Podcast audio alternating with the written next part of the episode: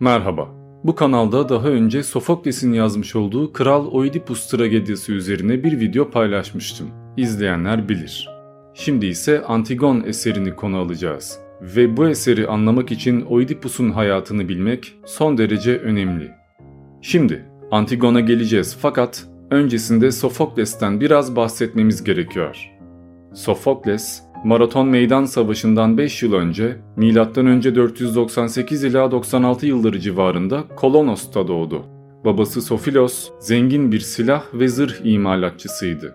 Sofokles, Salamis zaferinin kutlamalarına katıldı ve Peloponnes Savaşı'nda Atina'nın mağlubiyet alıp teslim olmasından bir yıl önce bu dünyadan ayrıldı. Hayatı Atina'nın en parlak dönemiyle örtüştü. Çocukluğu Pers savaşlarıyla geçti.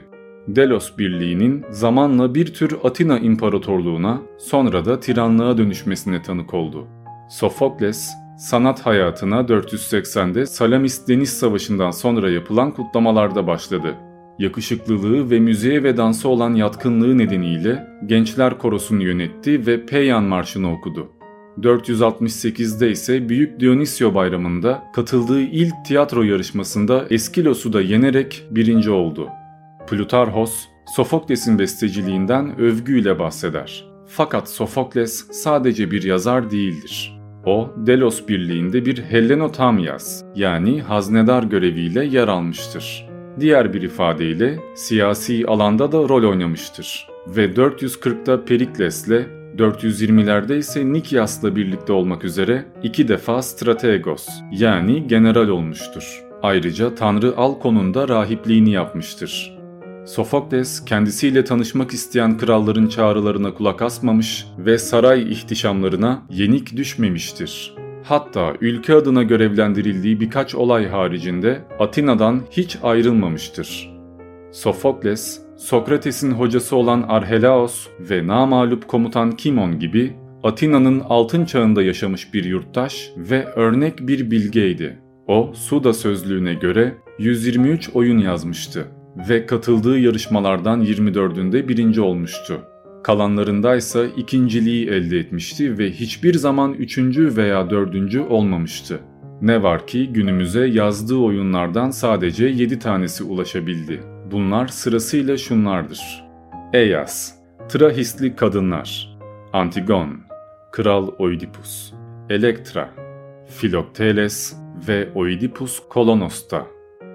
Aristoteles'in aktardığına göre Sofokles, aktör kontenjanını 2'den 3'e çıkararak kurguyu daha karmaşık hale getirmiş ve sahne dekorlarını ilk defa o kullanmış. Hatta 12 kişiden oluşan tragediyayı, diğer bir ifadesiyle koroyu 15 kişiye çıkarmış. Bu da yetmemiş, tek bir oyunda bir hikaye yerine 3 hikaye birden işlemiş ve böylece tragedya hakkındaki bütün algıyı değiştirmiş. Firnikos, Sofokles'ten şöyle bahseder. Sofokles birçok güzel tragedya yazdı. Uzun yıllar yaşayarak bilgeliğe erişti ve mutlu bir şekilde öldü. Hiçbir hastalıktan acı çekmeden sakin bir şekilde günlerini bitirdi. Aristofanes ise Sofokles'i ölümünden bir yıl sonra sahnelediği Kurbağalar oyununda yaşayanlar arasında mutluydu. Şimdi ölüler arasında da mutlu sözleriyle anmıştır. Evet, Sofokles'le alakalı söyleyeceklerim bu kadardı.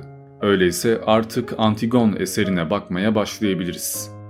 Antigon tragediyası hikayeyi Labdakos efsanesinden alıyor. Oidipus farkında olmadan babası Leos'u öldürmüş ve annesi Yokaste ile evlenmişti. Ve bu evliliğinden Eteokles ve Polinikes adında iki erkek, İsmene ve Antigon adında da iki kız çocuğu olmuştu. Oidipus'un gerçek kimliği açığa çıktıktan sonra Yokaste intihar etmiş, Oidipus da kendini kör etmişti. Geçen videoyu burada bırakmıştık. Zira Kral Oidipus tragediyası tam da bu noktada bitiyordu. Devamında yaşananlarsa Antigon tragediyasında ele alınıyor. Hikayeye göre bu noktadan sonra Oidipus'un oğulları tahta dönüşümlü bir şekilde birer yıllığına çıkmak üzere anlaştılar. Fakat Eteokles sırası geldiğinde tahtı kardeşine devretmeyi reddetti ve Polinikes'i sürgüne gönderdi. Polinikes başka çare kalmadığından hakkı olan tahta geçebilmek amacıyla rakip krallarla anlaşmalar yaptı ve büyük bir orduyla şehrin kapılarına dayandı. Fakat başarılı olamadı. İki kardeş Tebay şehri önünde bir düello yaptılar. Ama trajik bir şekilde ikisi de öldüler. Yani berabere kaldılar. Bu bölüm tragedyada şöyle aktarılıyor. Yedi kapının önünde karşılıklı dikildi birebir yedişer komutan ve silahlarını adak olarak zafer kazandıran Zeus'a sundular. Aynı anayla babadan olma sefil ikili de kargılarını birbirlerine doğrulttular.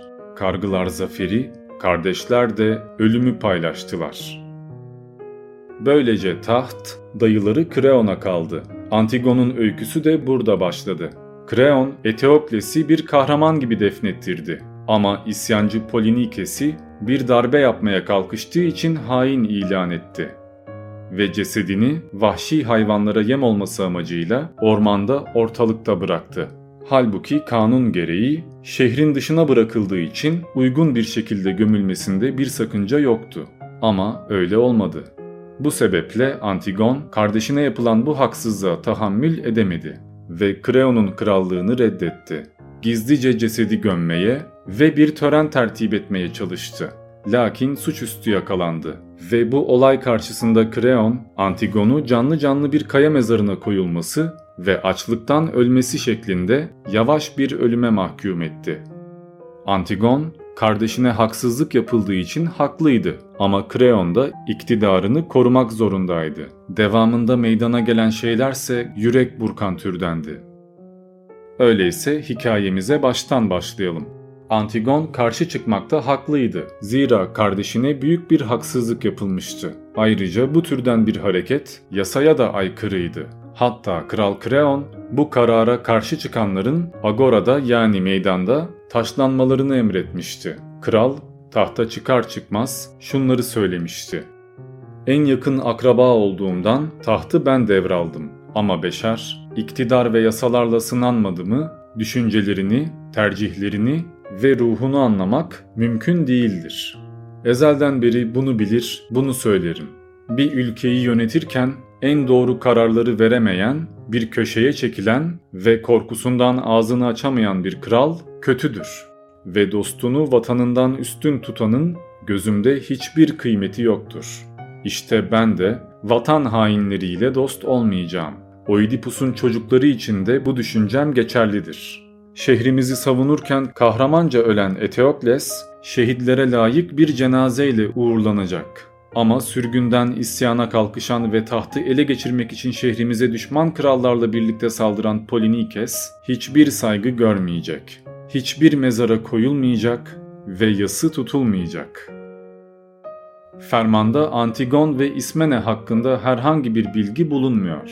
Fakat Antigon'un İsmene'ye söylediğine göre tellallar aynı akıbeti İsmene ve Antigon'un da paylaşacağını duyurmuşlardı. Bu belki doğruydu, belki de bir kuruntuydu. Ama Antigon yine de örgütlenme ihtiyacı hissetmişti ve kardeşinden yardım istemişti. Ama İsmene, bizler kadın başımıza erkeklerle mücadele edemeyiz, boyun eğmeliyiz diyerek reddetmişti. Bu antik Yunan'daki ataerkilliğin bir tezahürüydü.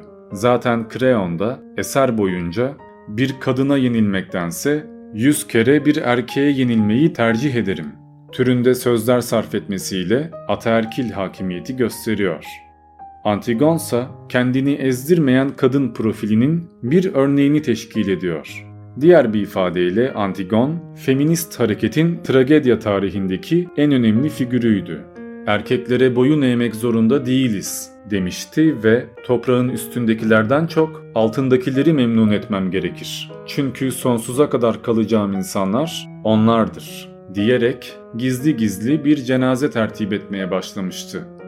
Antigon bir şekilde amacına ulaştı ve kardeşini gömmeyi başardı. Kısa süre sonra bundan haberdar olan Kreon başta bunu kimin yaptığını öğrenemedi. Bu yüzden de askerler belli ki rüşvet almışlar diye düşündü ve şikayet etmeye başladı. Cesedi gömenler birilerini parayla kandırıp suça teşvik etmiş olmalı. Zaten insanoğluna para kadar zarar vermiş başka bir icat yoktur.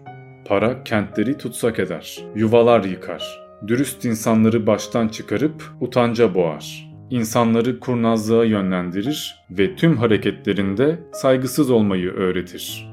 Ama para karşılığı bu işe girişenler er ya da geç bedelini öderler. Devamında kral isyancı kardeşi mezarından çıkarttırıp hayvanlar parçalasın diye tekrardan ortalıkta bıraktı. Ve bir süre sonra Antigon kardeşinin mezarına ziyarete gittiğinde bu vahim durumu görüp ağlamaya başladı. Ne var ki o feryat ederken ettiği feryat askerlerin de dikkatini çekti ve yakalandığında işin iç yüzü ortaya çıktı. Kreon kızı sorguya çektiğinde Antigon korkusuz bir şekilde suçunu itiraf etti ve ölmeye razı olduğunu söyleyerek krala karşı geldi. Kral, isyancı kötü kardeşini savunman diğer iyi kardeşine haksızlık değil mi diye sordu. Antigon ise ben nefret etmek için değil, sevmek için yaratıldım ve öteki dünyada iyinin tanımı nasıldır kimse bilemez diye cevapladı. Kreon da madem öyle diyerek Antigon'un ve onun suçuna göz yuman kardeşinin daha sonra idam edilmek üzere zindana atılmalarını emretti. Nöbetçiler, başıboş bırakmayın. Hep zincirli kalsınlar. Çünkü en cesurlar bile ölümün yaklaştığını görünce kaçmaya çalışırlar. Antigon pek tepki çekmese de kız kardeşinin idama mahkum edilmesi halkın tepkisini çekti. Zira kızın ispiyonculuk yapmamak haricinde hiçbir suçu yoktu. Bir süre sonra kralın oğlu Prens Haymon bile bunu yapmaması gerektiğini söyledi. Zira Haymon Antigon'la evliydi. Kral da oğluna sen bile kadınların tarafındasın diyerek çıkıştı. Haymon ise şöyle karşılık verdi. Ben senin tarafındayım ama kendini kadın görüyorsan o zaman başka. Kral da oğluna hakaretler savurdu ve huzurundan kovdu. Halk korkusundan bir şey söyleyemiyordu. Ama prensin dahi karşı geldiğini gördüklerinde vatandaşlar da Antigon'un durumu hakkında kardeşini onurlu bir şekilde gömmek istemenin neresi yanlış olabilir diye sormaktan kendilerini alamadılar. Kısa süre sonra Kral Kreon İsmene'yi affetti ama Antigon canlı canlı bir kaya mezarına gömüldü. İsyancı prensin bedeni ise hayvanlara yem oldu. Ardından Kreon'a uzun yıllardır yardımcı olan Tiresias isimli kör bir kahin ona ölüleri yeniden öldürmenin anlamsız olduğunu ve bu işe bir son vermesi gerektiğini söyledi. Ama kral en güvendiği kişilerden biri olduğu halde kahinin bile hain olduğunu düşünmeye başladı. Zeus dahi beni yolumdan döndüremez. Zaten kahin milleti para peşinde koşar. Size güven olmaz. Diyerek kahini de aşağıladı. Kahinse öyleyse krallar da yolsuzluk peşinde koşarlar. Eğer kararından dönmezsen yakında kanından, canından birini kaybedeceksin ve bütün halk sefalete uğrayacak diyerek orayı terk etti. Gerçekten de kısa bir süre sonra ciddi bir kıtlık baş gösterdi. Böylece kral hiçbir yalan söylememiş olan kahinin kehanetini hatırladı ve istemeye istemeye kararından döndü. Lakin Antigon'u serbest bırakmak için yola çıktığı esnada oğlu Prens Haymon'un intihar ettiğini öğrendi. Kehanet gerçekleşmişti. Kreon'un oğluyla zıtlaşması ve Antigon'u hapsetmesi Prens Haymon'a ağır gelmişti. Her ne kadar kral idam kararından vazgeçmiş olsa da artık çok geçti. Antigon uzun süredir sefil bir vaziyette kapalı tutulduğu mağarada daha fazla dayanamamış ve kendini öldürmüştü. Öyle feryatlar etmiş, öyle ağlamıştı ki yaşamaya dayanamaz hale gelmişti. Hatta kısa süre sonra neredeyse yaptıklarından bile pişman olmuştu. Antigon'u kurtarmaya geldiğinde cansız bir bedenle karşılaşan Haymonsa yaşadığı aşk acısıyla kılıcını kendine saplamış ve Antigon'la aynı akıbeti izlemişti. Tabi felaketler bu kadarla kalmadı. Kraliçe Haymon'un intihar ettiğini öğrendiğinde perişan oldu ve o da kendine bir hançer saplayarak intihar etti. Böylece kral sırf sözünden dönmeme takıntısı yüzünden hem tek oğlunu hem de eşini kaybetmiş oldu. Ayrıca halkın desteğiyle beraber huzurunu da kaybetti ve kısa süre sonra hem tahtından hem de hayatından vazgeçti. Yani Oidipus hikayesinde olduğu gibi kimse kaderden kaçamadı. Zira Tanrı Apollon uzun yıllar önce bu laneti böyle kurgulamıştı. Ama neyse, zaten daha sonra diğer tragedyalarla alakalı da başka başka videolar yükleyeceğim. Öyleyse şimdilik bu kadar. Ben Diamond, diğer videolarda görüşmek üzere.